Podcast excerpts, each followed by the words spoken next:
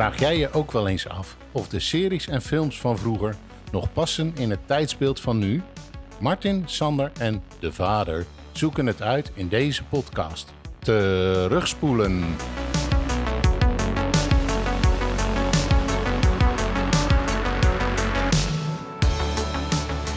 Zo, en we zijn begonnen. Jazeker. Hey, met deze special. Ja, en het is nu mei, maar hij komt pas in juni. Ja, en dan... Nee, juli. Juli? Dat zei ik al, juli. Oh, en als mensen die dus nu luisteren, dan zitten we midden in de zomerstop en dan denken mensen, Ja. "Huh, er is helemaal niks. Nee, dan Sander is we op vakantie. wat. Nee, nee, we zijn er gewoon vandaag. 18 weken op vakantie. Maar we zijn er gewoon met een Stargate special. Ja, de, de podcast. De, ja, de, de podcast. En we hebben daar inderdaad, zoals mensen nu net al gehoord hebben, een gast aan tafel. En dat is...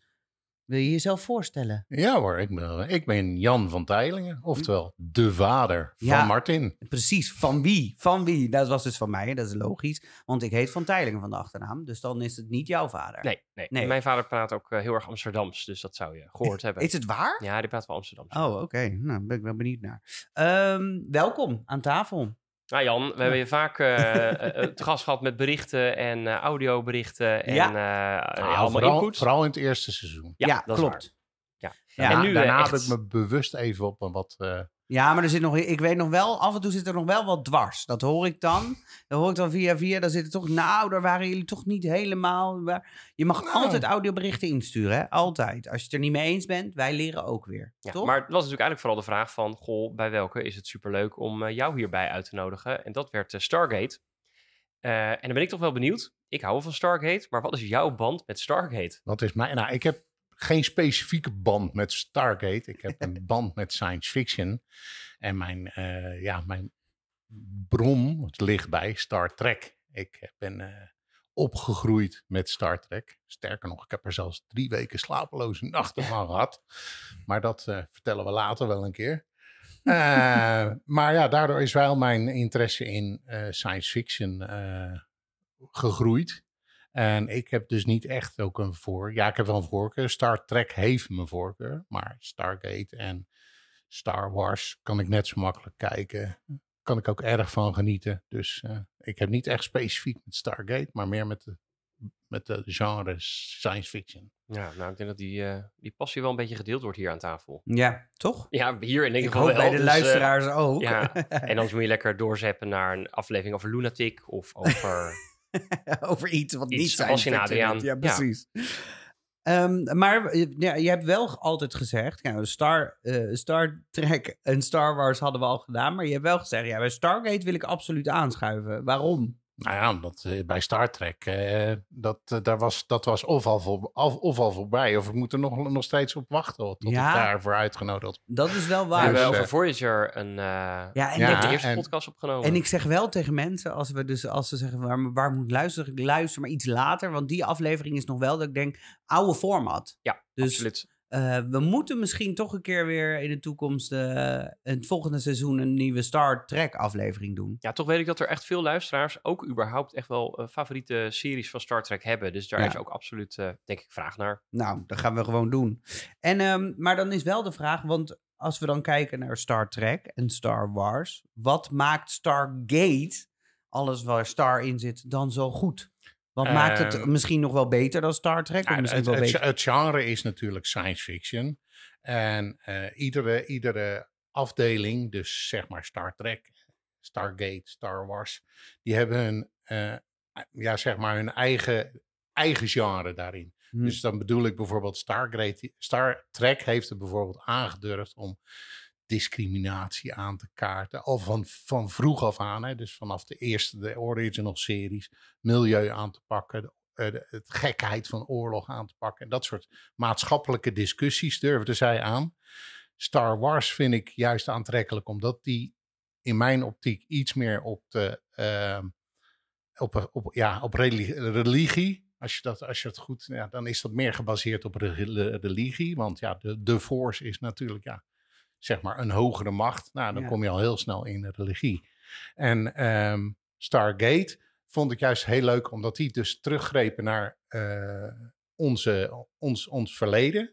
Dus, dus eh, de historie van Egypte. Oude, oude goden die daarin, hoe heet het, eh, Maar nou, nu ga ik misschien al iets te veel weggeven. Maar in ieder geval de, hebben ze dat gebruikt om dat Mhm. naar, de he- naar het heden te trekken.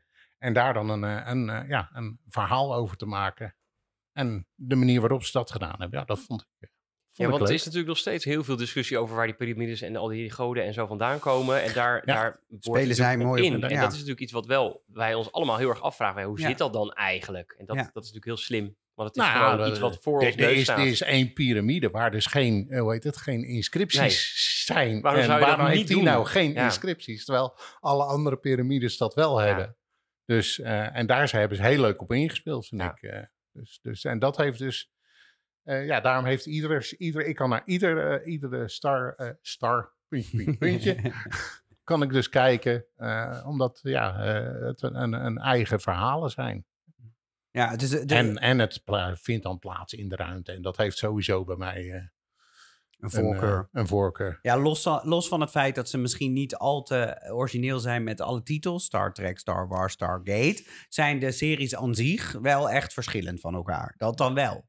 Ja. Dus dat is wel mooi om te zien. Ehm, nou is natuurlijk de vraag, waarom doen we dan deze special in de zomer op deze, dit moment? Waarom dan juist nu? Nou ja, eigenlijk heel, eh, heel simpel. Ik ben dus eigenlijk gaan zoeken naar een moment waarop het logisch is om Stargate in te zetten. en ik dacht dat ik dat gevonden had. Is er niet. Dus dat is al lastig. Ja, dat is al lastig, want ik dacht er is zoiets als een Stargate Day. Maar dat is er niet. Zoals Star Trek dat wel heeft op, op 5 april. en, eh, eh, Heb je helemaal 4 goed paraat, al die data? Goed hè. En eh, Star Wars op 4 mei. Ehm, he- heeft Stargate dat eigenlijk niet echt. Maar er zijn wel een paar initiatieven geweest om een Stargate Day te maken. Dus we dachten, oké, dan gaan we rond die tijd gewoon zitten dat we het uitzenden.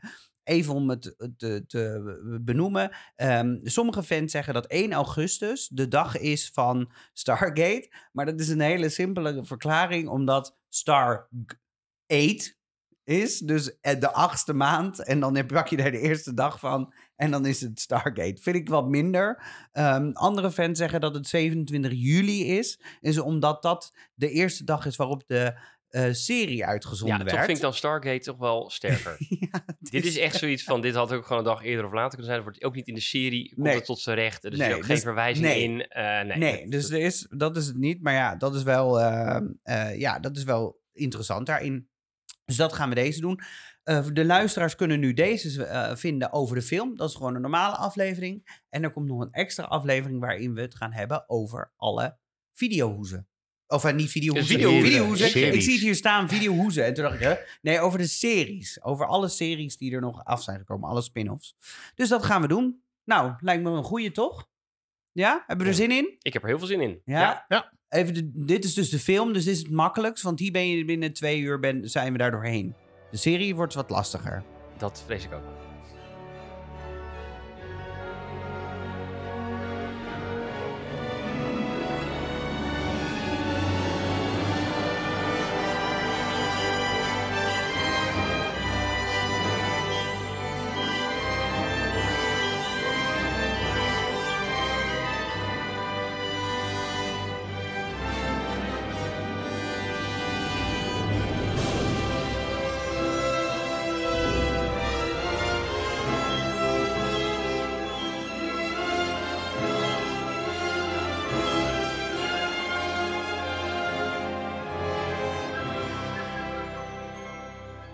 Dat was de officiële Stargate soundtrack. Nou, volgens mij herkennen heel veel. Is het, wel, het is wel echt een hele herkenbare soundtrack. Dus wel, de, de opening en dergelijke. Het is wel heel, nou vind ik wel, herkenbaar. Ja, Maar het heeft mij niet- heel het heeft herkenbaar. Ja, het heeft geen, tenminste, wij zijn science fiction fans. Dat zal voor andere mensen misschien wat anders zijn. Dit is typisch, net, net zoals bij andere films heb je dat ook wel. Echt zo'n soundtrack, daar hoef je maar vier maten van te Ja. horen. En je weet, dat is Stargate. Ja, als je het kent natuurlijk. je, nou, de- Ja. wat je wel meteen hoort aan deze muziek, en dat is natuurlijk waar deze eh componist waarschijnlijk ook wel goed in is, is dat hij meerdere science fiction films heeft gedaan die Ja. altijd een beetje episch zijn. Eh, wat ik hier wel mooi aan vind, is dat het ook heel erg goed past bij een beetje het hybride. Het is natuurlijk een stukje eh, woestijn Egypte-achtig. en het is natuurlijk een stukje science fiction. Ja. En dat zit hier mooi in vermengd. Ja, zeker. Ja, we, eh, zoals we al zeiden, dit, is de, eh, dit gaat over de film Stargate uit 1994. Volgens, het, eh, volgens IMDb en anderen is het een, een science fiction action adventure. Eh, nou, we hebben het natuurlijk al een keer gehad over hoe, je dat samen, hoe dat nou samengesmolten is. Maar het klopt wel in mijn mening dat het echt een action adventure eigenlijk science fiction is. Dat, dat, ehm, dus ik vind het eerder andersom, maar oké, prima. Eh, de regisseur is Ro- Roland Emmerich. Ehm, die kennen we, kunnen we kennen van onder andere Independence Day, Godzilla, The Day After Tomorrow, tweede, 2012, White House Down. En ik zat die lijst te bekijken en toen dacht ik... deze man heeft een voorliefde voor alles naar, de, naar zijn grootje proberen te helpen. Ja. Dus die heeft gewoon een voorliefde van... hoe gaan we de wereld zo Ja. snel mogelijk vernietigen, voor mijn gevoel. Ja, Toch? bij deze film valt het mee, maar daarna is het wel eh, downhill gegaan. ik heb ja. ze allemaal... Oh nee, White House Down heb ik niet gezien. Maar ik kan me voorstellen wat daar gebeurt. Ja, dat, dat is ook zo'n cover toch met zo'n... dat die White House wordt opgeblazen. Nee, dat is principe als bij- Independence Day. Oh. oh, dan is het de White House die in de fik staat. Dat is hem Ja. dan. Dat- In ieder geval moet er iets gebeuren. Nou ja, ehm, de muziek is van David Arnold. En die kunnen we ook kennen van Independence Day, Godzilla. En toen dacht ik, ik ga wel even andere films ook nog opzoeken. Hij heeft er heel veel gedaan. Ehm, hij heeft dus ook comedies gedaan, Sander. Vind jij leuk? Ja, Zoolander. op. Zoolander, dat met die, met die vervelende acteur. ben, ben Stiller. Ja, Ben Stiller. die staat nog op onze lijst. ja, op de, Ehm, de zwarte lijst. Ja, En de een- comedylijst. En hij heeft een aantal James Bond films gedaan. De speelduur is, en dat is afhankelijk inderdaad van wat, welke je hebt gedaan, maar degene die ik heb gekeken is 121 minuten. Ehm, het budget van de film was 55 miljoen dollar. En de opbrengst ervan die was 196,6 miljoen dollar. Bijna verviervoudigd. Dat is wel knap. Ja, dat valt niet tegen. Eh, het heeft zes prijzen gewonnen, maar dan moet ik wel zeggen, prijzen waarvan je zegt, oké, die zijn niet, het is geen Oscar. Eh, wel we komen we weer terug bij de Saturn Award voor beste science fiction film. Eh, of de Saturn Award voor de best costume. Of de Saturn Award voor de beste special effects. Uit 1994. Dat is mooi.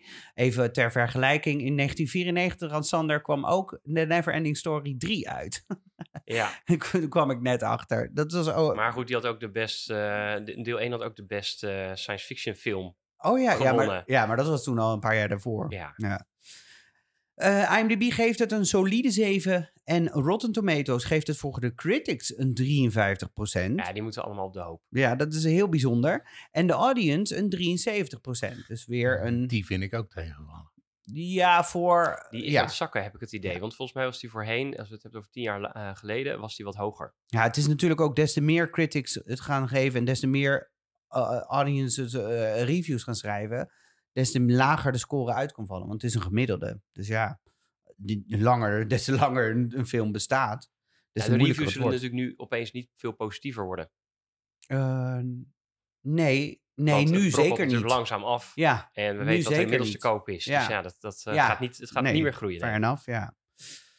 Rolverdeling, daar heb ik er echt een paar maar uitgepakt. Even heel snel, omdat eh, dit eh, denk ik de meest belangrijke personen in deze film. Ik vind dat je er één vergeet. Oh, nou, dan, dan- mag je die zo toevoegen? Ik ben heel benieuwd wie dat dan is. Ik denk dat ik het al gok, maar ehm, we hebben Colonel Jack O'Neill, of Jonathan Jack O'Neill. Oh, Jonathan Jack, Jack Ja- O'Neill. Jonathan, oftewel Jack O'Neill, gespeeld door Kurt Russell. Nou, dan moest ik toch wel even opzoeken waar die man eigenlijk allemaal van is. Want ik ken hem alleen maar van naam en ik zie hem bijna nooit in films. En hij heeft er dus wel heel veel. Ja, en hij heeft ook zo'n bekend gezicht. Ja, Maar hij is wel een beetje een, een Val Kilmer-achtige acteur. precies, dat, dat. Precies dat. Ja. Ik zat in Val Kilmer. Ik dacht, zit hij nou niet in eh, Batman? Ik zeg, oh nee, dat is Val Kilmer. Dat is precies dit. En, ehm, maar hij heeft dus heel veel films in het verleden gedaan. Ehm, voor deze film ook, zeg maar. Maar nu niet meer ontzettend veel. Maar hij heeft nu eh, de laatste recente die in onze tijd ongeveer zeg maar, opkwamen waren The Thing, dat is een horrorfilm. Eh, Vanilla Sky met Tom Cruise. Eh The Hateful Eight, die ken ik dan wel. Fast and the Furious heeft hij 6 en 7 of 7 en 8 heeft hij volgens mij gedaan. Leuk. En Guardians of the Galaxy zit hij nu in, als de vader van, geloof ik. nou, toevallig, toepasselijk. De vader. Ja. Ja. En eh, wat ik wel grappig vond, hij is in Forrest Gump is hij de stem van Elvis, maar daar is hij uncredited voor. Daar hebben we het ook wel eens over gehad. Waarom sommige mensen uncredited in films hebben gespeeld. Hè? Carrie Fisher zo- vorige ja. keer, eh, een tijd Ja. geleden. En dat je denkt, Hij- waarom dus- is dit? Hij, is- hij is ook degene die de bewegingen doet als hij dus, hoe heet het, eh die jonge. Forrest Gump aan het tonen is hoe die eh, moet dansen. Oh, Oh, En dan niet. zie je hem vanaf de achterkant, maar dat is wel degelijk Kurt Russell. oh. ja. Nou ja, dat is wel, ik vind het al, maar uncredited, nou ja, prima. Ehm, dan hebben we Dr. Daniel Jackson, gespeeld door James Spader. over, Ja, daar hou ik over, wel een Vel van. over een Vel Gilmer-achtige eh, ja, acteur. acteur gesproken. Wel een favorietje van jou. James Spader is een Val Kilmer-achtige acteur. Ja. Omdat hij ook, omdat hij ook eh, je kan aan heel Ja. veel mensen kan je vragen wie is James Spader? Ja. En dan Oh. krijg je, huh? Ja, Wie? maar als je en zegt, als je dan zegt, ja, die speelt in de Blacklist. Of die speelt, Oh ja, ja, ja. oh, oh, die. Ja, Ja. Ja dus eh, nou ja, sowieso de eh, Blacklist, Boston Legal, maar ook ja, hij is Robert California in The Office. En natuurlijk Raymond Reynolds. niet eens lang, toch? Hij is er Eh, acht is- afleveringen of zo. Hij is een seizoen of zo hangt Ah, hij rond. Echt. Maar hij is er ook zo'n charlatan. Ook zo vreselijk. Maar hij is het type acteur die zie je praten. En hij kan mooi praten. Hij heeft een mooie stem. Hij, komt, hij gaat altijd zijn hoofd houdt hij altijd schuin. Dan gaat hij je belazeren. Ik heb gemerkt dat ik dat ook heel vaak doe. Dus dat, dat vind ik ook wel fijn. Dan zie je dat hij zijn hoofd schuin houdt. Dan gaat hij een heel verhaal houden. En dan, dan luister je en denk je, oh ja, goed verhaal. En aan het eind denk je, oké, nou, ik ga dan nu aan de slag. En denk je, wat heeft hij eigenlijk gezegd? hij, heeft me gewoon, hij stuurt je gewoon met een kluitje het riet in. En, en je slikt het allemaal maar. Ja, nee. Maar hij is wel een heel erg goed acteur. Maar ik denk misschien voor deze film een beetje te goed. ja, denk je dat? Ja, absoluut. Ja? Ja. Oh. Ehm, in de eh, volgende rol hebben we ook nog eh Scara. Dat is een van de, de, de, de dorpelingen uit, dat, eh, uit het dorpje waar ze naartoe gaan. Die wordt gespeeld door Alexis Cruz. En die heeft dus eh, ook best wel een enorm lange lijst aan allemaal eh, series waar die in heeft gespeeld. Maar ehm, het zijn allemaal losse vlodders. Dus het is allemaal eh, twee afleveringen CSI, vijf afleveringen Law and Order, drie afleveringen NYPD, allemaal dat soort dingen. Hij heeft Maar wel een heel veel- gezeten of zo. Ja, echt- casting dingen. ja, Ja, dus algemeen, eigenlijk best sneu. algemeen persoon. Ja. Ja, dus best wel sneu. Dus dit is zijn eigen grote rol. Hij heeft nog wel een aantal keer is teruggekomen in zijn rol eh, tijdens de, de serie van eh, Stargate. Is hij nog voor de, die rol teruggekomen. Maar eh, niet echt grote, grote dingen meer gedaan. En als laatste die ik had opgeschreven was ehm, eh, Ra natuurlijk. De, de Sun God Ra. gespeeld door Jay Davidson.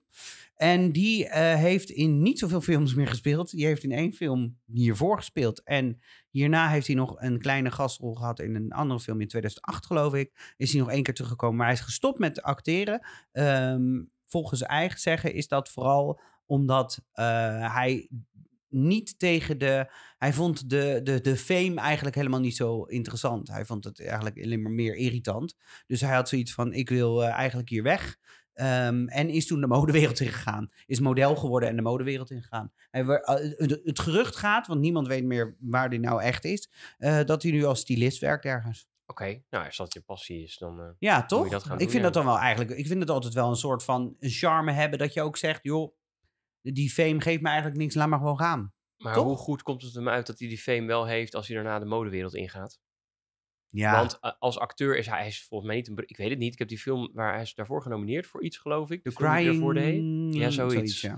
Eh, en daarna is hij dus gestopt. Maar hij, heeft, hij is ook niet dat je denkt van... Nou, dat is een onvergetelijk acteur van, eh, van grootste klasse, volgens mij. Nee, nou ja, Nee, maar nee. het was wel een soort van pretty boy. Ja, Nou, nou, niet een soort van. Dat is een pretty boy. Maar, maar, Ja, ja, maar daar het houdt had- het wel bij op, ja. Ja, maar dan kom je in de modewereld Ja. natuurlijk. En dan Ja. als je dat via deze film kan doen. Ja, Ik denk eerlijk gezegd dat hij ook wel een grote, eh, grote acteur had kunnen zijn voor zijn voorkomen. Want hij was een van de weinige androgyne, zeg Ja, maar, absoluut. eh, ehm, acteurs die, wel zo, ja, die, de- die dat, dat wel een specifiek gelaat had, bij wijze van dat spreken. is zo. Ehm, en jij zei net, Jan, dat er een eentje is vergeten. Dus ik ben heel benieuwd. nou ja, ik weet alleen de naam niet. Maar eh, er is ook een, eh, een dame die, eh, die meespeelt. En die, Die oude vind ik best wel een, een, een prominente rol inneemt. Ja, jij bedoelt eh Catherine Lang Langford, Eh, de nee. onderzoekster. Nee, Oh. nee, nee, juist eerder. Oh. Want, want die komt namelijk ook in de serie terug. Eh, dat is Shirey. Charé. Oh ja. En de, wat dus eh, de vrouw van, eh, van eh, Dr. Daniel Jackson eh, wordt. Millie Avital heet Ja. ze. En ehm, die kunnen we ook kennen van Law and Order. Ook dezelfde de kaart? kleine Die heeft dezelfde die is ook- kaartenbak als... eh, Die- die heeft dezelfde mak als Alexis Cruz. Ja, die eh, heeft Ja. heel veel gespeeld, maar, eh, heel weinig. maar Ja. geen echte prominente rollen. En waarom vind je haar wel een grote rol in deze film? Omdat het, eh, eh, ja, dan, dan moet ik eigenlijk al een beetje een hupje maken naar de, naar de series. Een kort hupje mag wel. Maar een heel kort hupje, omdat eh, zij, haar rol, laat ik het zo zeggen, zij zelf niet, want ze komt in de serie als actrice niet terug, want het, haar rol wordt ingevuld door een ander. Maar ehm, neemt wel in de serie een prominente rol in voor, hoe heet het, waarom Daniel Jackson terug gaat komen in, in de Stargate-serie. Kleine spoiler alert, maar dat gebeurt al de eerste aflevering. Dus dat Daarom, is, eh, dus, ja, waar eh, hebben we het over? Letterlijk de eerste aflevering, ja. En eh, hoe heet het? eh, en natuurlijk, het was voor. Nou moet ik. Nee, nou hou ik even Oké. op. Daar kom ik Ja. straks op terug. Om even jullie woorden te volgen. Daar kom ik later op terug. Zie je mensen, ik wil, ik wil maar even aangeven hoe moeilijk het is. Om, ja, maar, nou, dat niet alleen. Het is gewoon heel moeilijk om gewoon te ding. Dus we moeten soms wel terugkomen op dingen. Nou, Nou, fijn we er dat maar op dat ook. terugkomen. Fijn dat dat ook even Ik geloof dat het bij de vier beoordelingscriteria. Ik denk de derde dat hij terugkomt, of niet? Eh, maar een Ja. gokje. Ja. Ja. Ja, daar heb ik er namelijk Maar, staan. ja, maar daar heb ik in de series iets meer over te roepen dan Ah, bij deze. dat wordt spannend. Heel heel spannend. hey, jij hebt eh, de DVD meegenomen. Hm? Je hebt de DVD meegenomen, toch? Ik heb de DVD meegenomen, ja. Ja.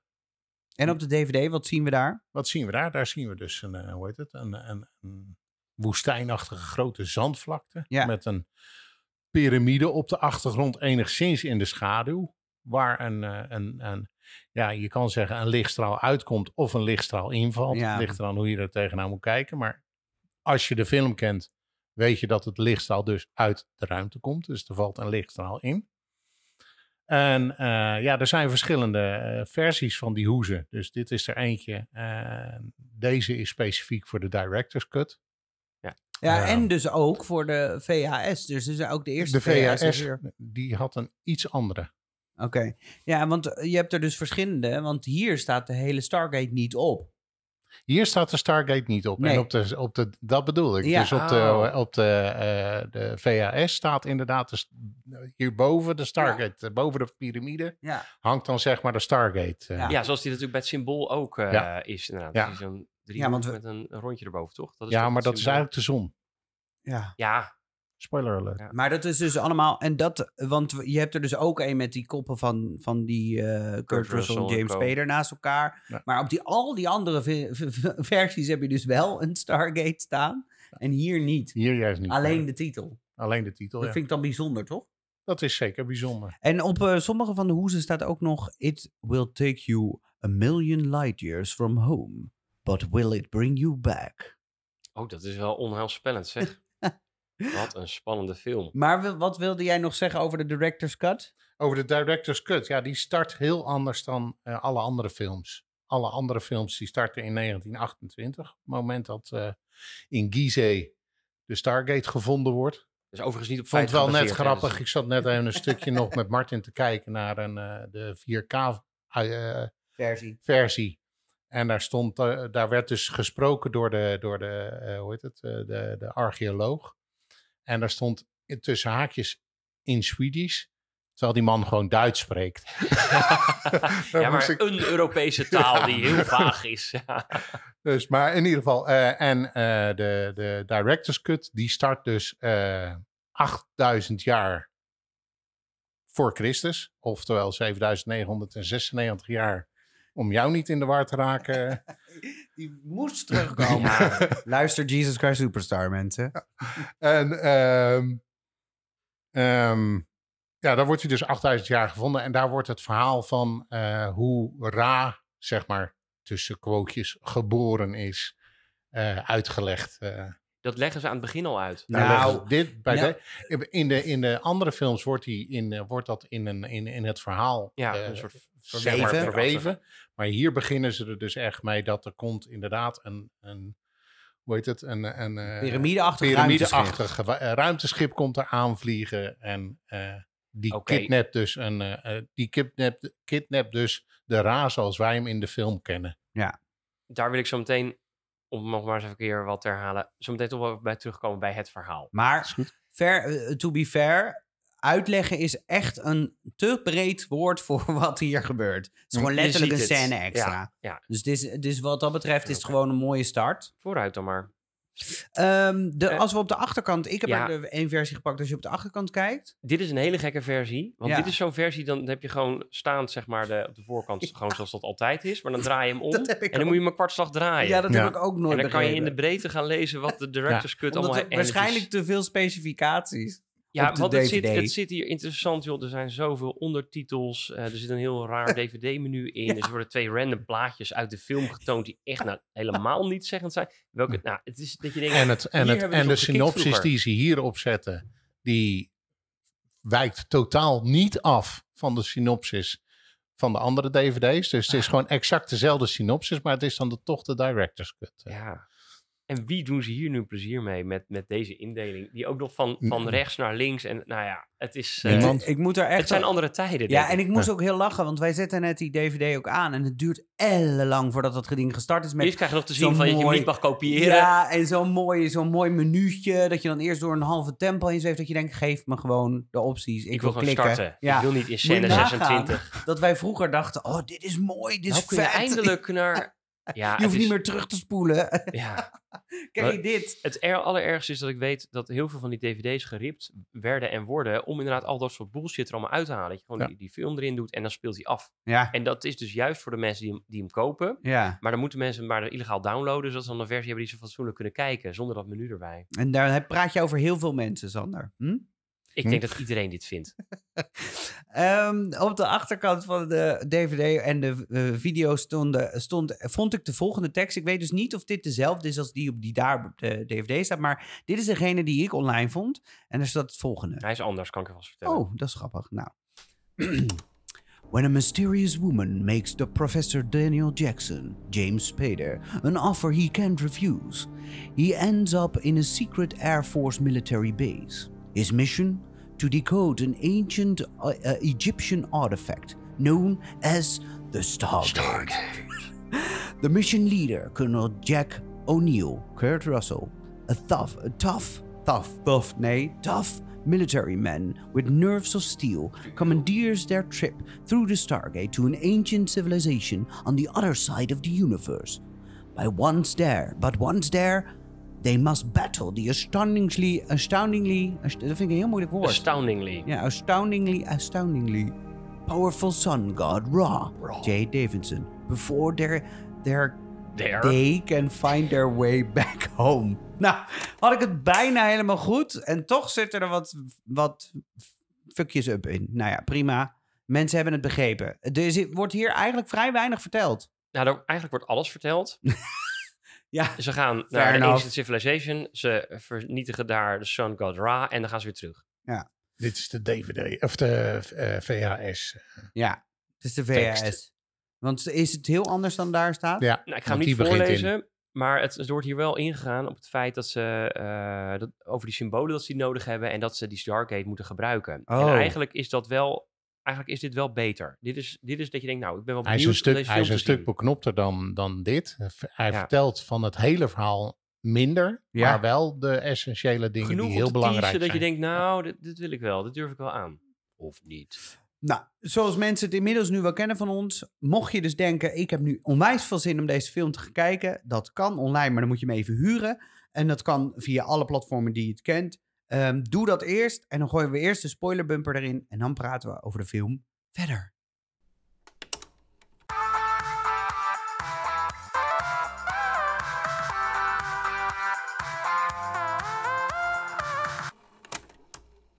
Zo, ja, nu doet hij het wel. Hij deed het niet. Nou, nu is het weer gefixt. Mooi zo.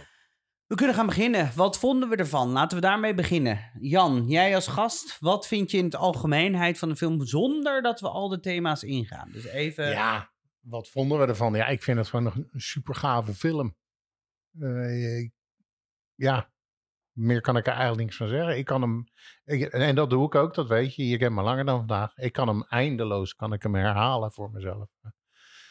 Ik ben vanochtend voordat ik hier naartoe reed, heb ik er nog maar eventjes gekeken. Ja, ik was toch om zes uur wakker. Dus eh, ik denk, nou, dan ga ik nog een keertje Stargate kijken. Dus eh, Ja, ik heb deze ik film... vond het alleen jammer dat ik de director's cut niet had, want die lag hier. ja, maar Nou, ja, maar er moet wel een nuance erbij. Want ik heb dat dus zelf niet. Hè. Als ik dus zo'n film heb gezien, dan ben ik er ook wel echt even, even klaar mee. Ja, ik hoef Je niet kan tien niet- keer achter elkaar in één Nee, week te kan ik kijken. niet. Maar ik heb deze film denk ik vaker gezien dan, eh dan Echt? Movies. Ja, zeker Ik wel. wist niet dat jij die überhaupt had gezien. Ja, ik Waarom- kijk je nu aan. Ja, Ja, ik wist niet dat jij hem überhaupt had gezien. Nou, dat zei hij ik heb hem al. heel vaak gezien.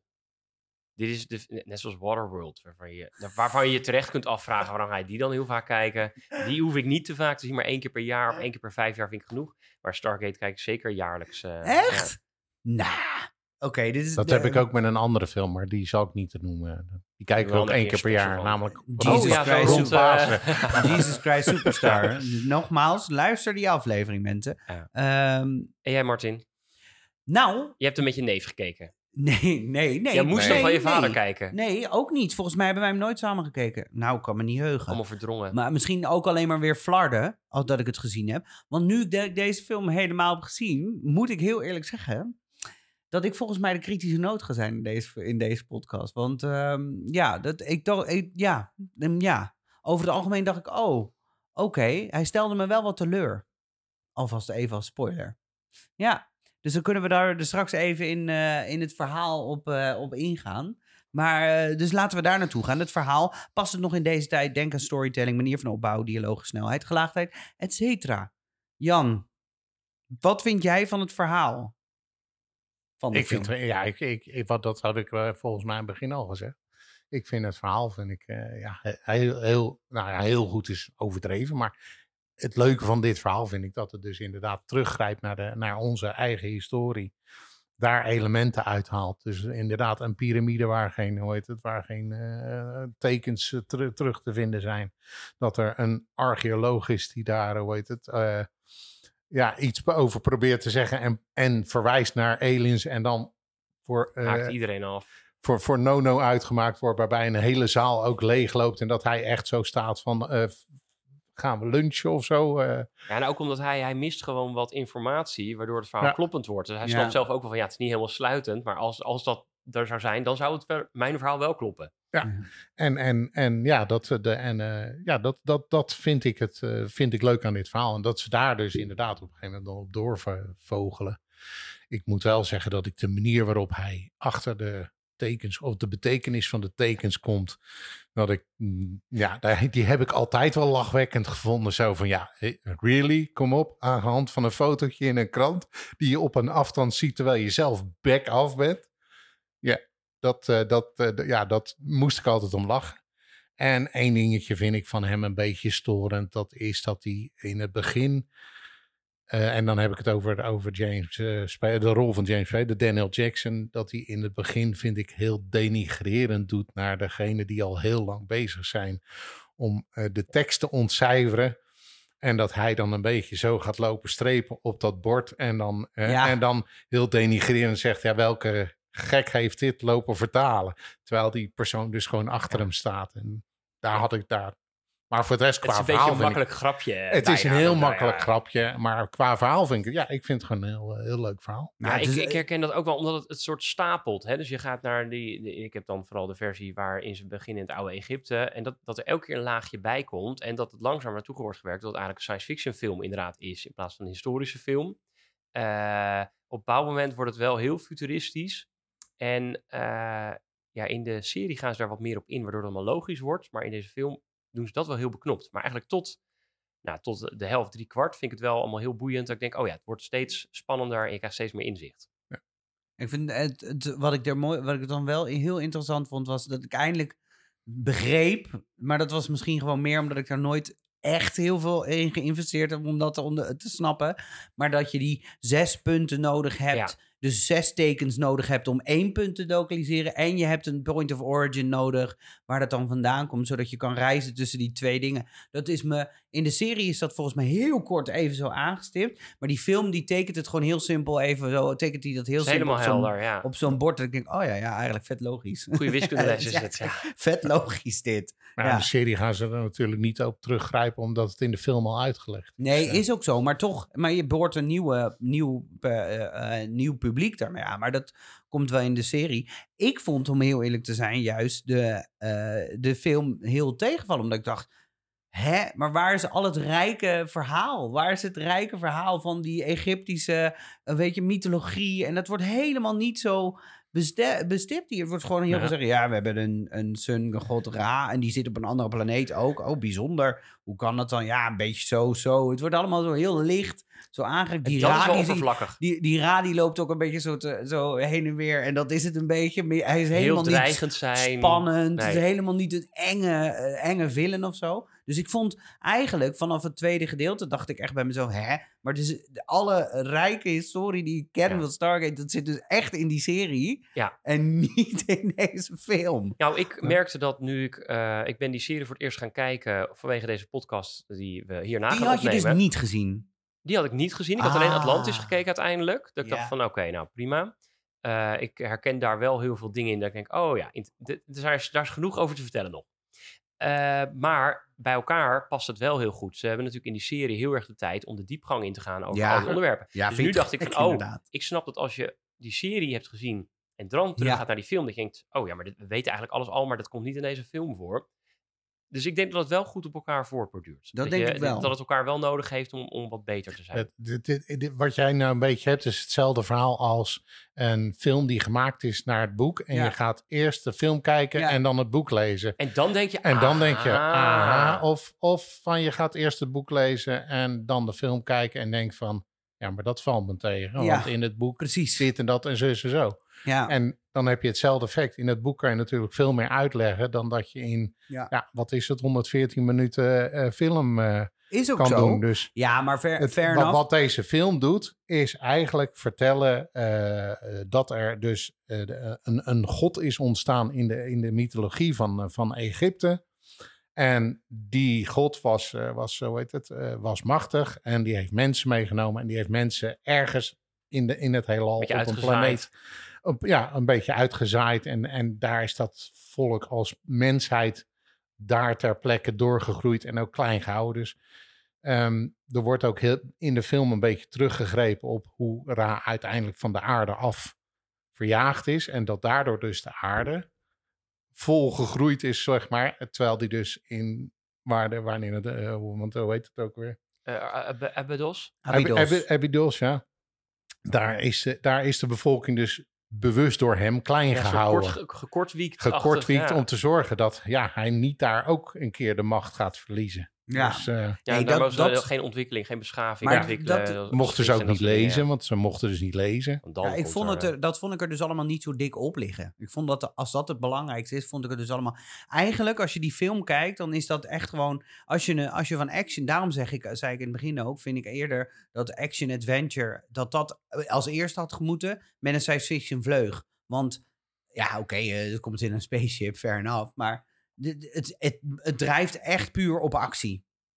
Het verhaal is echt mager hierin, vind ik. Vergeleken met wat je kent. Ik vind het mooi, die Egyptische mythologie, vooral dat eerste gedeelte. Maar zodra ze op die planeet aankomen, is dat eigenlijk een bijzaak. Ja, Want het is eigenlijk op het moment dat eh, Ra in beeld komt, en dat is pas halverwege de film. Ja, En die Ra, die is in het begin even een soort van spannend, maar daarna is het eigenlijk wel klaar met Ra. Ja. Die is Nou, inderdaad... het enige spannende aan Ra is de gloeiende ogen. En daar houdt het ja, dat, nou, dat doet hij dan gelukkig wel heel vaak, dus dat scheelt. maar dat hij, dat hij daar zit bijvoorbeeld als farao-achtig, dat je denkt, oh, dit kan nog wel eens heel engig eh, zijn. Maar dat, nou ja, ik vond dat vroeger, ik heb het gezien als, als eh, kleine jongen, en toen vond ik dit een heel spannende film. eh, omdat je in het begin is het heel onduidelijk wat die wachters en zo, die denken, oh, wat is het? En daar wordt het wel spannend gehouden. Maar als het eenmaal out in the open is, dan is het ook van dat je denkt, oh, ja, nou. toch? Ja, en dan wordt de- het de al wel een beetje dat vanaf. valse, valse, false god en zo. Voor principe Ja. wordt wel een beetje geïntroduceerd. Maar dan blijft het wel een beetje daarbij hangen. Ja. Dat was gewoon, toch? Dus dan wordt het heel erg Independence Day. Ik, denk- ik denk toch dat dat wel te maken heeft met het feit dat je een beperkt, Andersom heb een gekeken. beper- nou, maar ook een beperkte tijd hebt om het verhaal te vertellen. Ja, maar dan nog,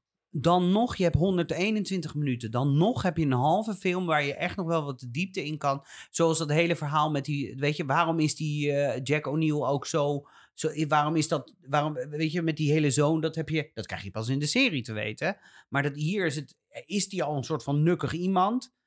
En dat krijg je helemaal niet lekker mee in de film. Dus nog even zo'n gekunsteld momentje. Dat er wordt gezegd van ja, daar kan je niet een heel, heel volk op afschrijven. Dus je laat.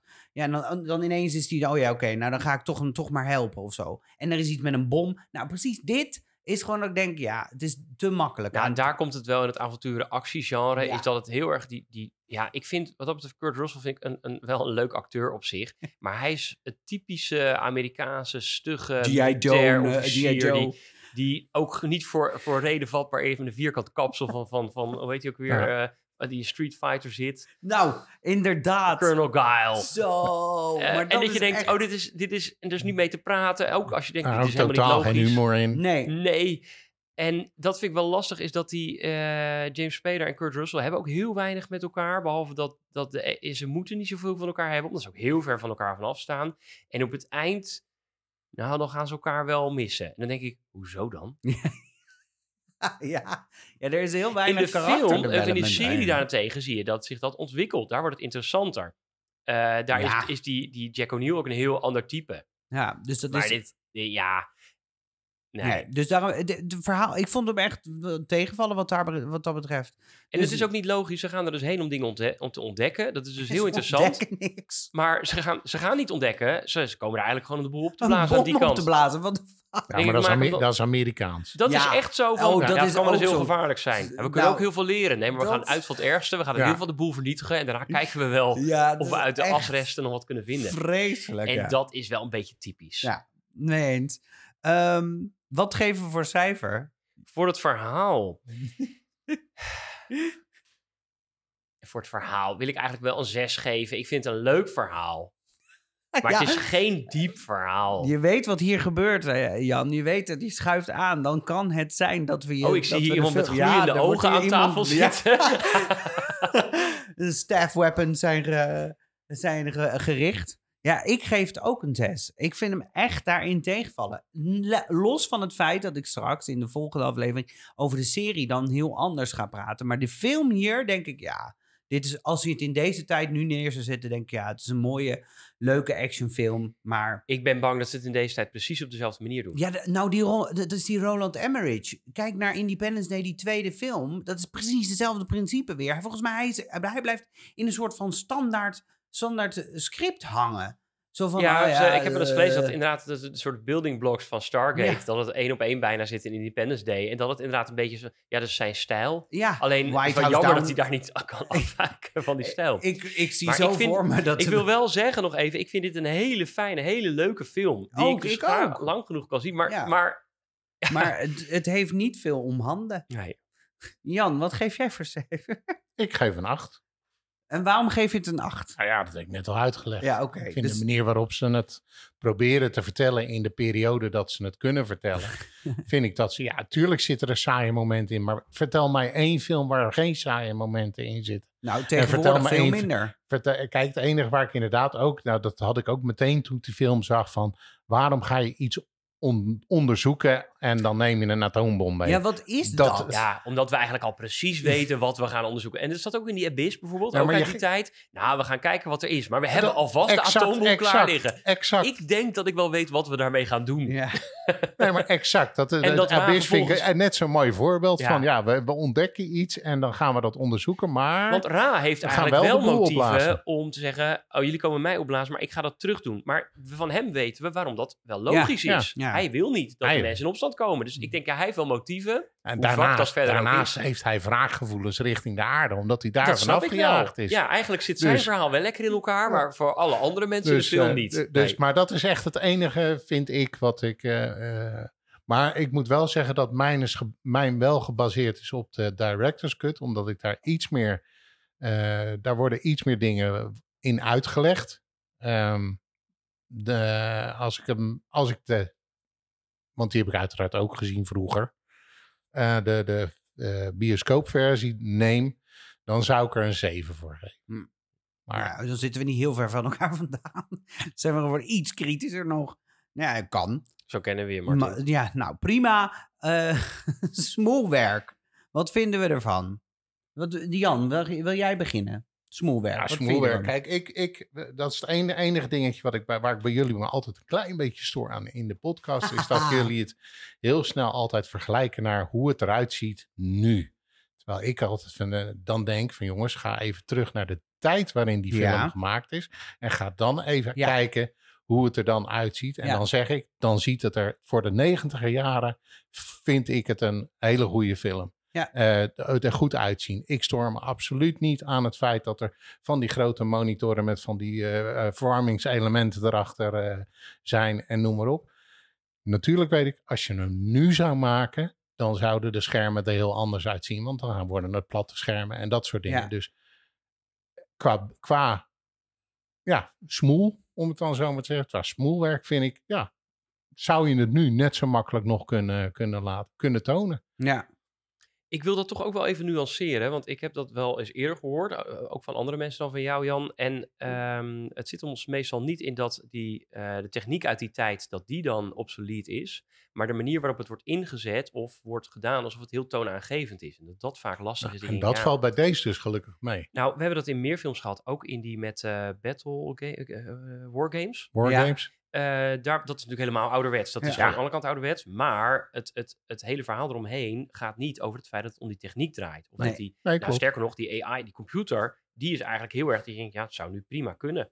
In die tijd Be- was science beetje- fiction. En nu Beetje zou- groot wel, maar Ja, het zou nou, prima inderdaad, kunnen. ja. Mijn laptop zou het nu drie Zou keer zo snel kunnen, ja. kunnen. En met een betere van. stem. Ja. Ehm, en dat vind ik in deze film. Ik vind ook dat eh, die, die monitor en zo, dat, dat is, doet er niet zo toe. Eh, of dat ze een oude telefoon bij zich hebben, of dat je denkt, dat soort rare dingen. Eh, ik vind dit ook best wel een heel tijdloze film. Ik vind dat de effecten die ze hebben gedaan eh, eigenlijk heel goed zijn. Dat in tegenstelling, zeg ik alvast, in de tv-serie. Want je ziet dat daar gewoon een ander budget bij is. Ja, maar wel ja. heel veel. Maar- Daar is heel veel hergebruikt, gelukkig. Dat scheelt enorm.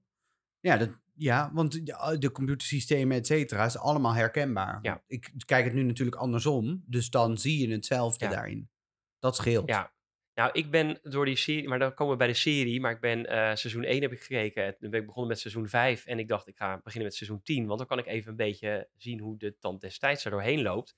En dan denk je wel van ja, zij vallen wel in die valkuil van dingen computer animeren. Nou, dat zie je in deze film niet. Ik weet niet of hier veel computeranimatie is gedaan. Ik denk wel die, die Transmorph Ja. ding die we ook in Willow zagen. Dat, Ja. dat- hoe die het met die helmen die inklappen en zo. Eh, en dan denk ik, ja, ik zijn vind echt. fascinerend om te zien. Elke keer als dat gebeurt, denk ik, ja. Ja. ik vind dit mooi om te zien. Ja. Ja, ik word En die helmen van. verder zijn wel echt. Ja. Het zijn dat gewoon echte dingen. Het is er niet opgepoetst. Eh, ik denk, die sets zien er mooi uit. En daarbij hebben wij volgens mij, daarom in Wargames hebben wij ook hoger gescoord qua smoelwerk, dat het echt nog wel kan deze tijd. Dus dit is echt niet in het feit dat het ouderwetse dingen is. Alleen de vraag is, kan je het nu nog plaatsen in deze tijd? En hangt het dan te heftig aan CGI, die gewoon Nee. te outdated is? Nee, daarom dan zeg ik, kan je het in deze tijd gewoon niet lekker meer terugspoelen. Maar Ja, nu daar- heb je dat helemaal niet. daarom zeg ik ook, deze film zou je zo op kunnen Ja. pakken. En zo in deze Ja. tijd Een beetje oppoetsen. Dan ben je en- inderdaad een beetje oppoetsen. En, en hij kan gewoon er weer mee door. Nou, Ik dat vind- hebben ze dus met die director's cut gedaan. Ja. Daar hebben ze me een beetje opgepoetst. De manier van ontploffen van de, hoe heet het, Ja. van de piramide. eh, eh, of van het eh, spaceship waar, waar Ra in vertrekt. Oh, dat is in de ruimte. Dat die, er komt zo'n blauwe cirkel Ja. eh, omheen. Ja. ja, Ja. nou, in de filmversie was het gewoon een boef, uit elkaar spetterende Ja, ster, zeg maar. Met allemaal vonkjes en ja. noem Ja. maar op. En, en hoe heet het? eh, de- hier, nou, vanaf de director's cut hebben ze dus inderdaad dat het ontploft. En dan komt er een soort van shockwave. Die Ja. dus als een grote waterdruppel, maar dan in de ruimte zich steeds groter wordt. eh. Dus dat hebben ze wel opgepoetst. En, en, en eh, de zandstorm die is, die is veel realistischer eh, gemaakt dan dat hij, hoe heet het, dan dat hij daarover, eh, dat hij dan in de bioscoopversie eh, wordt gedaan. Dus eh, je pakt hem op, je poetst hem inderdaad een beetje op en je kan hem, mij betreft, zo weer in de bioscoop. eh, Ja. De, de, er zit gewoon weinig CGI in, volgens mij, in deze film. Dus, ja, nou ja, niet veel, Nee. nee. Geen. Het, het, het wordt gedaan met de technieken waarmee Star Trek vroeger ook gemaakt werd. Ja. Ja, grotendeels. Er Ja. zitten wel CGI-dingen in, maar dat heb ik dan opgezocht voor de feiten. Maar de, dus, de- het is veel minder, ja. Ja, Veel en dat vind ik dus mooi. Op het moment dat je niet CGI-effecten kunt zien, Ja. dan wordt het opeens tijdloos. Ja, We hebben ook gehad die met die, met die eh, Santa Claus. Dat, dat Ja. hij zo in die, in die schoorsteen gaat. Ja, dat ziet er gewoon zo lelijk uit. Daar- nou, of Spider-Man. Die Spider-Man, die hebben we hebben toen gekeken. Jij zei dat het meeviel, maar ik vond dat echt verschrikkelijk. Ja. En dat was... Dat, dat, dat, dat soort dingen, daar zie je het gewoon heel erg aan. Want daar hangt het gewoon aan CGI vast. En hier is dat gewoon veel minder. Toch? Ja. Ik bedoel, die, die- De- deze film heeft het ook niet nodig, Nee. al dat CGI. Nee, precies. En dat is dus slim gedaan, Ja. denk ik. Het zal ook een kosten budgetding zijn. Dat je van, ja, als het niet realistisch kan, dan moet je het op een andere manier kunnen fixen. Of niet doen. Ik En heb, wat anders wel, bedenken. ik heb het wel altijd heel onlogisch gevonden om een piramidevormig spaceship te hebben. Dat vond ik heel onlogisch. En dat zie je in de serie Ja. ook terugkomen. En dat vind ik Ja, zo maar ja, je moet onlogisch. Je moet natuurlijk de, je moet de piramides verklaren. en ja, dat, ik snap het. maar zoals het Daniel zo- Jackson in het begin zegt, het, het, eh, volgens mij zijn het landingspunten voor, Ja, voor, voor, voor eh, eh, ruimte, ruimteschepen. eigenlijk is dat gewoon niet... Ja. Ik, ik denk dat ze daar misschien nog wel wat meer uit hadden kunnen halen. Want de vraag is natuurlijk, dat hele ruimteschip is dus zo hol als een, als een mandje. Ja, eigenlijk als, er dus ook nog zo'n piramide fout- ingespied zit, Daarom dan, vouwt hij ook uit. Hè? Dus, ja. dan heb je heel veel ramen vooral. ja, Je hebt aan de onderkant heel veel lichtjes zitten. ik vind Echt, dan ik moet- denk, dan- nou, dan- dit is een soort Death dan, Star dan, moet je, dan moet je seizoen 2 nog Maar even als- kijken. als alle, als alle, als je al die, eh, die, ehm, die schepen zeg maar met elkaar bekijkt, zij hebben allemaal van die, eh, eh, allemaal piramideachtige schepen. En dan ineens worden het hele andere typen. Dus je hebt dan een piramideschip en dan ineens hele andere types. Dat je denkt, er is dus geen, er is, er is dus alleen maar een piramideschip. Ja. Net als bij eh, Star Trek heb je de Borg en die hebben dan een kubus. Vond ik ook altijd heel onlogisch, een kubus. ja, Maar daar komt dan op een gegeven moment een sfeer uit en een, een, een diamant. En allemaal, weet je wel, die, die basiselementen komen daar terug. Nee, ze hebben alleen maar piramide en hele andere vormen. het is heel raar om te zien eigenlijk. Dus, uh, Ja. het is gewoon, ja, heel maar raar. ik Maar snap het moet inderdaad dat iets. ze dat is, omdat ja, je zit in die piramides. Ja. ja. Ja, dus je moet iets. Dat Ja. snap ik wel. Ja. Ik vind het er dus eigenlijk helemaal niet slecht uitzien. Ik ook helemaal Los van het, niet ik heb me niet gestoord aan. Ik vind het nog steeds heel tof. Die ring Ja, ook, die- weet je wel, om dat te zien eh, draaien en die chevrons ja. inklikken. Vind ik nog Maar steeds dat hebben heel ze ook vet. gebouwd, hè? Dat is, dat is toch echt? Of is dat, is dat CGI? Nou, daar Dat hebben we ik straks allemaal feitjes over. In Ik eh, wil hier wel een cijfer eh aanwagen. Ehm, ik wil het wel een, eh, een hoog cijfer. Ik wil een 8. ik ook. Ja, ik ga iets hoger. Ja, dat 8,5. Ja, dat, die- de, Ja. de- we weten nou eenmaal dat onze gasten altijd iets positiever zijn over de film. Ehm, dat mag. Dat kunnen wij goed. Dat kunnen wij goed. Nou, inclusiviteit. Dat is mijn favoriete thema altijd. Laten we het daarover gaan hebben. Wat vind jij van de inclusiviteit, Jan? Ehm, om jouw bewoordingen te gebruiken, die je al ook wel eens vaker gebruikt, doet het er in deze film niet zoveel toe. Dus ehm, ja, eh, Ra is een, eh, hoe heet het, Eh, een acteur met een kleurtje. Mhm. Maar ja, hij komt ook uit Egypte. Dus het zou erg onlogisch zijn wat je nu dus hoor ik met zwarte eh, acteurs die een eh, Egyptische koningin moeten gaan spelen. Ja, volgens mij sla je dan de plank van inclusiviteit helemaal mis. Hm. Eh, dus het is logisch dat hij een kleurtje heeft. Er spelen gewoon donkere acteurs in mee. De acteurs die, hoe heet het, of de, de, de mensen die op Abydos zijn, hebben ook een kleurtje. Want ja, Ja. die komen ook uit de, uit de Arabische contraien. Dus, dus het is logisch dat die. Uh, het enige wat je hier een beetje in mist is. Uh, maar ook dan moet je het weer in een tijdsbeeld gaan kijken. Is de, de inclusiviteit van de vrouwen. Ik heb wel zoiets van: waarom zit er geen vrouw in dat team? Waarom moeten het allemaal weer patsertjes zijn met geweertjes en. Um, uh, en dan een nerd die dan de, de archeoloog speelt. Maar waarom? Ja, want in 1994 had je ook gewoon uh, vrouwelijke uh, soldaten en noem maar op. Dus, hè? dus dat heb ik wel. En uh, het feit ja, dat, dat Share en de vrouwen die daar op die planeet wonen, ja, die leven volgens een hele oude leefstijl. Met oude normen en waardes waar anders tegen vrouwen aangekeken wordt. Dus ja, dat, dat, als je dat in de tijdsbeeld van nu zou zeggen, is dat natuurlijk, ja, dat kan niet meer. Maar ja, als je het even plaatst zoals het hoort, dan zeg je, ja, dat hoort wel zo. Ja, de vraag is natuurlijk, zij zijn natuurlijk niet gebonden aan de, hè, de dingen zoals wij op aarde hebben, want ze zijn op een andere planeet. Dus ze zijn niet gebonden aan de conventie die wij hier hebben en hadden.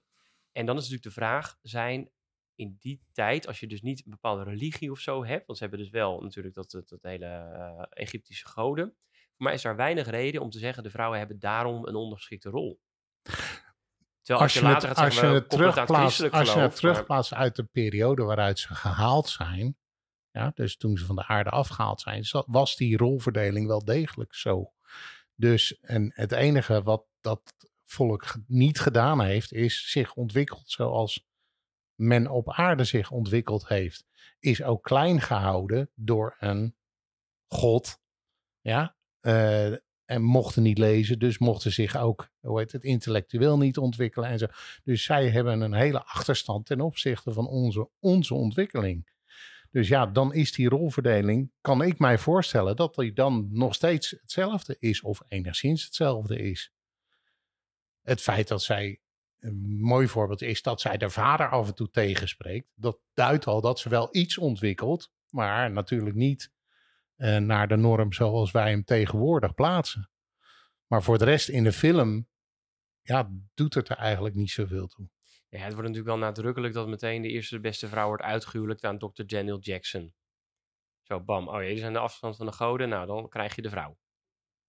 Succes ermee. Ja, En binnen een paar dagen zijn ze verliefd. Dus het is helemaal Ja, mooi. dat, nou, daar stoor ik me dus meteen alweer aan. Dat is hetgene waarvan ik echt denk, oh ja, typisch. Maar prima. Ik kan me wel volgen in je beredenering dat dat zo, als, een, als zo'n volk ook klein gehouden wordt en dergelijke, dat, dat, dat de ontwikkeling er ook veel minder is. Dus dat, daar, dat de, de eh, afspiegeling daarvan heel anders is nu in deze tijd. Dus dat, dat snap ik helemaal. Als ik dus ook naar inclusiviteit kijk, gaat het mij dus ook veel meer om van, hé, hey, als we nu deze film neerzetten, kunnen we dat dan, kunnen we het zo verkopen? Is het logisch dat het zo is? Dan zou ik het in dat volk, zou ik het nog steeds zo houden, want hey, dat, dat is zo ontwikkeld. Maar in het leger inderdaad vind ik het totaal niet logisch dat Nee. daar gewoon niks aan, aan eh, vrouwen te zien is. Ehm, en dat, het dus, dat dat dus allemaal echt typisch Amerikaans is. In Ja, het zijn wel ja. van die halve Echt. zolen die dan Ja, echt, eh, echt trigger denkt, happy... eh, Ja, precies dat. Dat je denkt, ja, dat is het zo niet, weet je wel. En ik stoor me dan zelf altijd aan het feit dat er altijd toch weer een soort van... Er, dat, dat is gewoon een formule waarvan mensen denken dat moet erin, omdat we daar onze breinen vinden we dat fijn Ja. of zo. Maar er moet dan altijd nog ook zo'n love interest ingeforceerd worden. Ja. Zo van, oh ja, dan, dan Daniel Jackson, maar die, eh dan eh. die, eh, die Ja. maar... Die is er nerd genoeg Ja, voor. en Ja, dat- die trapt er dan wel in. Want die hier Kurt op aarde Russell, die heeft hier op aarde kan die niet scoren, Nee, dus, dus dus, dan aan de andere Maar kant de van het eerste, de universum. beste, en dan de eerste, de beste, eh, hoe heet dat, vrouw die er dan, die er dan zogenaamd voorbij komt van, oké, die krijg je dan. Ja, dat, dat is dan ook wel meteen zijn type en klaar. Ja, het is gewoon dat- een beetje geforceerd en, en het is gewoon niet zo'n toegevoegde waarde. Nee. Laat ik het zo zeggen, als het niet in het verhaal opgenomen was om te verklaren waarom Daniel, De- Daniel Jackson daar Daar blijft, blijft, ja. ja, was het ook absoluut geen, had het to- to- Nee, geen maar toegevoegde het waarde had- gehad. Sterker nog, het had er niet in hoeven blijven om te verklaren dat hij daar wilde blijven. Want hij is een... Hij eh, wilde de boel toch al hij niet wilde vernietigen. Hij het- wilde Hij onderzoeken. wilde onderzoeken, dus hij had ook gewoon kunnen zeggen... Yo, eh, vrienden, ik blijf gewoon hier lekker bij dit volk. Want ik ga lekker even hieroglyphen binnen eh, bekijken. Had hij gewoon kunnen zeggen. Maakt het ook Wel- veel logischer, want dan kun je zeggen, dan houden we een lijntje met Ja, elkaar. ja. Maar nu is het eigenlijk van, ja, eigenlijk kan die Stargate nu wel weg. Want hij heeft zijn vrouw gevonden op Abydos. En de rest Prima. kan, kan G.I. Joe Ah, spelen in, in Amerika. ja. Ja, en je Dus- hebt natuurlijk wel uh, natuurlijk die, die vrouw in het begin, uh, die, de wat oudere vrouw, die is inmiddels al wat oudere Catherine vrouw. Langford. Uh, maar die heeft eigenlijk ook niet zo'n heel grote rol verder. Dan denk van, nou, Nee. dat is wel interessant. Die heeft dan nog wel dat je denkt, ja, het, zij is het, wel het irritante daaraan vind ik zelfs dat die dus op een gegeven moment door de trigger Happy G.I. Joe's overruled wordt. En haar leidinggevende rol, zeg Ja, maar, ja. die ze heeft, wordt er ineens Ja, afgenomen. Ja, dat vond ik ook. eh, dat is, maar dat is typisch zo'n Amerikaans perspectief. Wat erin doorcijpelt. Wat ik echt. Waar ik een beetje kriegelig van word altijd. Van, eh, van dit soort dingen. Maar. ehm Ja, ik probeer zich- mij nu in gedachten te houden dat we het nog niet over de serie hebben. En dat eh, Samantha Carter hier dus helemaal niet in Nee. besproken Nee, gaat worden. Maar kennen we niet precies Ja. Nou, maar dat is dus de volgende stap. Want eh, dan zeggen we in de. Jij zegt net van. Het wordt in de serie wel rechtgetrokken. Nou, dit, er wordt een poging toch nee, gedaan. ik maar zei dus- enigszins rechtgetrokken. want ook ik heb in de serie Oeh. heb ik er iets over te roepen.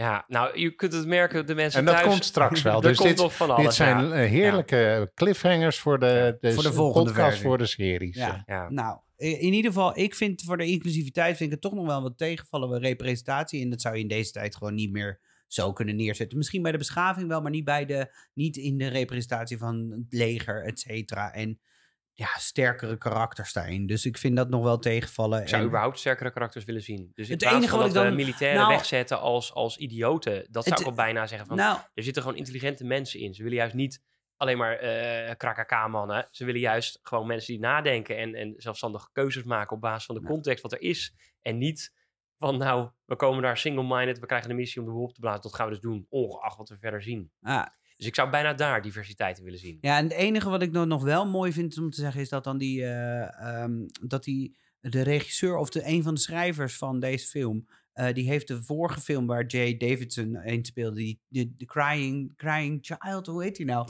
De, daar speelt die Jay Davidson een transgender persoon in. Dus, eh, en op basis daarvan heeft hij gezegd van, hey, wil je niet ook de villain De in deze Crying film Game is dat trouwens. De Crying Game, dat was hem. En eh, op basis daarvan heeft hij gezegd van... Kom, wil je dan de villain in deze film spelen? Omdat we juist in de, de, de afspiegeling... of de, af, eh, de, de, hoe het verhaal van een, van Egyptische god... juist iets meer gla- genderfluïde bij wijze van spreken willen hebben. Gewoon androgyne iemand willen hebben. Omdat dat daar allemaal juist ook wat...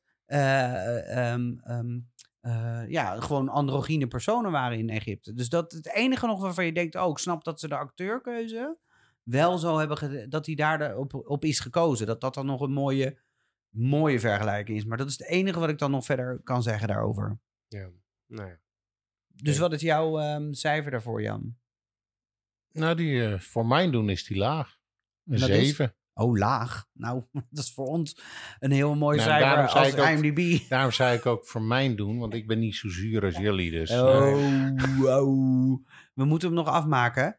En wat ga jij doen? Ik eh, denk dat ik een 6 doe, omdat ik het misschien deze film minder relevant vind. En dan maar Ja. even slik dat de Ja. cultuur zich op die manier heeft ontwikkeld. En wel een punt extra, want normaal is het niet relevant, is zet je een zetten we een 5, maar wel iets relevant omdat ze wel dus hebben geprobeerd om de, de, de rollen goed te kunnen kiezen. Of tenminste, Ja, Eh, dat eh, ze het aan willen laten ja. sluiten bij wat, wat we als massa dan maar aannemen hoe dat ongeveer eruit zou hebben gezien.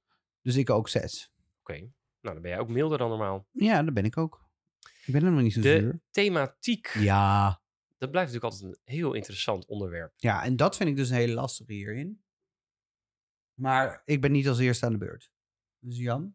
ja, ik heb hier ook geen mening over. Oh, Ik, eh, ja, ik, deze film vind ik niet relevant voor welke thematiek dan ook die je tegenwoordig er tegenaan kan plakken. zeker ook niet tegenwoordig, nee. Ik zou wel interessant Behalve, vinden als behalve, thematiek... behalve het, het, het trigger happy legerachtige eh, Hmm. gedoe, dan kom je, ja, dat is de enige thematiek waar je iets van kan vinden. Van waarom moeten we het altijd weer eh, agressief eh, richting ergens naartoe gaan. Terwijl het eh, misschien beter past om eh, met wat mensen er naartoe te gaan die wel die tweede hersencel ingeschakeld Ja. hebben. Ja. Ik vraag me wel wat ze op Abydos precies hadden kunnen halen. Behalve Ja. vrouwen die heel graag Maar dat wisten ze natuurlijk niet. Nee, Oh, maar ze eh, gaan er al vanuit dat het... Dat het want, we- want voor haar is de planeet wel belangrijk trouwens. Die haalt dat mineraal wat belangrijk is voor zijn, zijn, zijn blijven leven en Ja. voor zijn ruimteschepen. Dus ik denk dan, ja, ik zou dat houden. Voor mij is daar wel te leren. Nou, ik kan, ik kan begrijpen dat iemand met, met de achtergrond van Daniel Jackson. Dat die heel graag wil weten hoe, wat hij daar aantreft. Ja. En, en hoe hij dat kan vergelijken met hetgeen wat hij hier op Nou, aarde voor mij is dat de heeft. thematiek dan die ik hier uithaal. Ja. Is van, joh, er zijn zoveel dingen die we niet kunnen verklaren. En ik vind dat wel interessant. Dat je daar kritisch Ja. naar kunt blijven kijken. En dat we dus, ja, dat je dus niet kunt aannemen van, nou, daar zit het bij. En dat het dus interessant is en dus heel nuttig kan zijn om achter te komen, waar komt dat dan vandaan? Ja, Hm. je hebt allemaal van die podcasts waar ze allemaal over dit soort onverklaarbare dingen hebben. En dat je denkt, ja, ik zou eigenlijk gewoon wel een antwoord willen. Daar, slaap ik een stuk beter van. Ja, Ik wil wel weten hoe zitten met die. Hoe kunnen ze die piramide bouwen? Waarom doen ze dat? Het is gewoon niet Ja. logisch. Ik denk, maar dit, voor die lui die het gedaan hebben, is dit echt logisch. Nou, die film doet in ieder geval een poging om dat te verklaren. Waarom die piramides heel logisch zijn. En waarom het allemaal heel logisch is dat die Stargate op zijn kant ligt en zo. En dan denk ik, nou, dat vind ik dan een mooi gegeven voor een science fiction film. Ik denk dat ik verder niet kom in die thematiek. er is geen hoger moraal of zo. Er is geen moraal van... Nou, de enige oh, moraal zou kunnen zijn, ver- vernietig de boel niet. Aan de andere kant kan ik me afvragen, als ze Abydos hadden opgeblazen, prima. Nou, ze wilden alleen de Stargate opblazen, hè? laten we wel wezen. Dus niet gelijk Ik de denk hele dat het ze niet had, ik denk dat ze geen, geen body had uitgemaakt. Nou, ze wisten überhaupt niet dat het, dat, het, dat het bevolkt zou zijn. Dat was ook een verrassing voor ze. Daar kwamen ze wel na een dag al achter. Ja, fair enough. Maar dat is ook omdat het allemaal dichtbij moet afspelen. Hè? Ja. Dus, eh, Ik Wel binnen eh, loopafstand. hè. Ze hebben geen auto's. Dus. Nee, Nee, dus ze het moesten moet achter die hond aanhalen, van Ja. dat, die, koe, die koebeest. Ja. ja. die eh, van Dark Crystal. Oh ja, ja, ja. een beetje dat, dat idee, of een soort bantha. Nee, dus Ehm, ik vind thematiek hier niet zo Ja, ik vond- ehm, sterk vond, het meer, ik vond het meer een kruising tussen Benta en tussen die eh, draak van eh eh, Never Ending Story. Oh. Ja. Ja. Ja, nou, het- er zit ook geen. Het, behalve dat het feit dat ik dus de, de. Dat ik het dus wel interessant vind dat ze een uitleg willen geven over de Egyptische mythologie. Maar dat komt dus eigenlijk pas weer in de serie weer veel meer naar voren. Dus vandaar de film, daarom zeg ik, lekt het op verhaal en dus ook op thema. Daarin, ja. En ik vind het in deze tijd heeft het niet. Ja, het is gewoon een mooie schieten, schieten actiefilm. Maar dat is het. Ik eh, kan er niks, niet veel van maken. Op het moment dat het over het schieten gaat, dan verliest het ook wat mij betreft wel een beetje zijn Ja, kracht. En dan ik is het ook. opeens ook niet zo logisch meer. Hij heeft En ik twee van vond die het ook heel- ruimteschepen, die ik vind kunnen heel heel- makkelijk schieten. Maar Ja. nee, we laten die gasten met, met die rare helm, laten we dan naar buiten lopen met die staf die helemaal niet zo handig schiet. Want die Nee. militairen hebben eigenlijk iets veel handigers. Die laten we dan naar buiten gaan in een heb blote ik bast. altijd al iets heel raars gevonden. Ik denk, dat is toch totaal niet praktisch, zo'n staf. Dat is toch gewoon... Hij schiet super harde knallen, alleen hij is niet nauwkeurig en schiet direct 30 keer naast. Ja, en dan denk Duurt- ik, hebben we hier duurt- te maken met een... duurt ook even voordat je je tweede schot kan afvuren. Dus eh, Ja, en het is ook... Het, is- ja, het is- Is dit dan het beste wat zo'n futuristisch ras dan heeft voortgebracht? nee, ze hebben de deze- Z Nicketel nog, maar dat Ja, is... eh, dat, dat, komt dat, later weer. Ja. Dat is, dat is ook geen praktisch wapen, Nee. kan ik je zeggen. Ook Nee. niet praktisch om mee te schieten. Dus... Je ziet ook hoe lang ze het in de serie volhouden eigenlijk met allemaal houtje touwtje dingen. Dus dan, ja, het is ja. altijd met kogels, hè? Dat valt me ook op. Het is altijd, geweren blijven altijd gehouden worden. Ik denk, dat vind ik zo raar gegeven ook. Halve natuurlijk door. Maar goed, oké. dus ik vind eigenlijk thematiek hier eh, niet al te best in. Ik Nee. denk, laten we zeggen... Wat geef jij, Martin? Ik geef een 5. Oké. Omdat het gewoon niks, het heeft niks om handen verder. En ik vind het ook niet slecht, maar ik vind het ook niet goed. Nee, Eigenlijk moet ik dan lager, maar ik neig eigenlijk wel naar de vier inderdaad Ja, daarin. Ik ben eigenlijk... Maar ik vind gewoon, als er gewoon Egyptische dingen in zijn, dan wil ik wel een puntje voorbij sprokkelen. Dus ik kom ook op een vijf.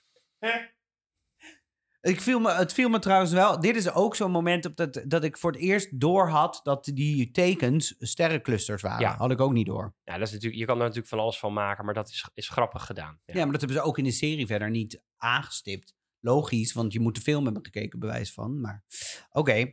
Nou, dan eh, volgens mij wordt het tijd dat jij weer gaat tellen, hè? Nee, want ik heb nog geen cijfer gegeven. Oh. Nou ja, ik zie hem hier staan. dus Ja, maar ik- ga hem Nee, intrekken. je mag hem in de podcast ook ik, even ga hem ik ga hem intrekken. oh. Wat ik daar heb staan. oh. Ja.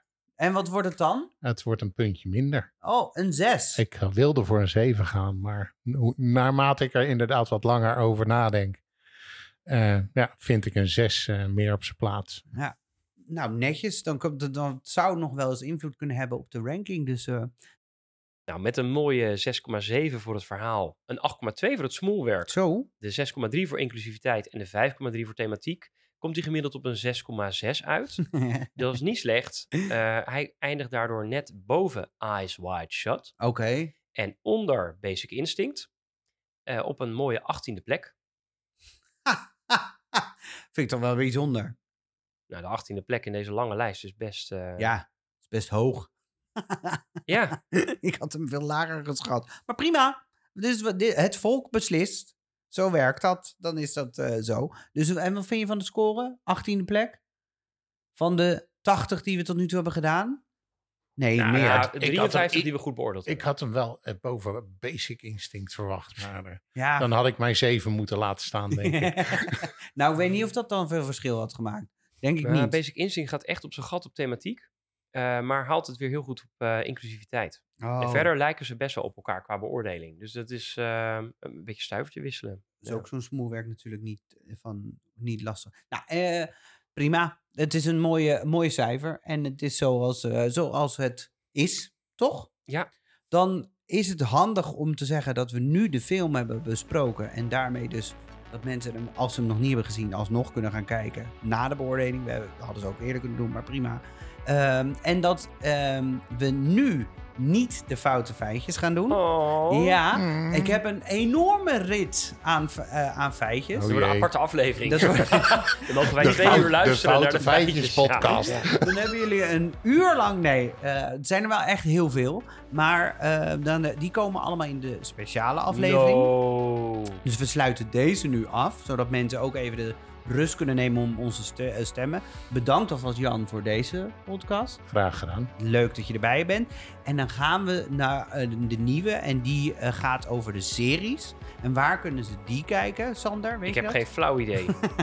Amazon Dus- Oh, Prime. dat weet ik wel, want Ja. ik, heb dat, ik, heb, ik ben het aan het kijken op Amazon Prime inderdaad. Daar kun je alleen Met de- SG1 kijken. Als je een premium abonnement hebt, gekeken? als je een premium eh, abonnement hebt, kan je de andere series ook bekijken. Kaffers. Ehm, maar voor SG1 is dat eigenlijk wel de meest prominente. en de Nou, dan heb je voor mij eh, 300 afleveringen, dus je Ja. kan op zich wel even verder. Je kan ook zeggen, ik Tien- luister deze Tien seizoenen, dus je kan tien jaar lang kijken. Ja, dus je kan volgend jaar gewoon ook over tien jaar kan je deze podcast luisteren en denken, nou daar gaan we. Dus dat gaan we nu doen. Wij sluiten nu af. En dan ehm, gaan we voor jullie in de volgende aflevering alle series van Stargaze terugspoelen.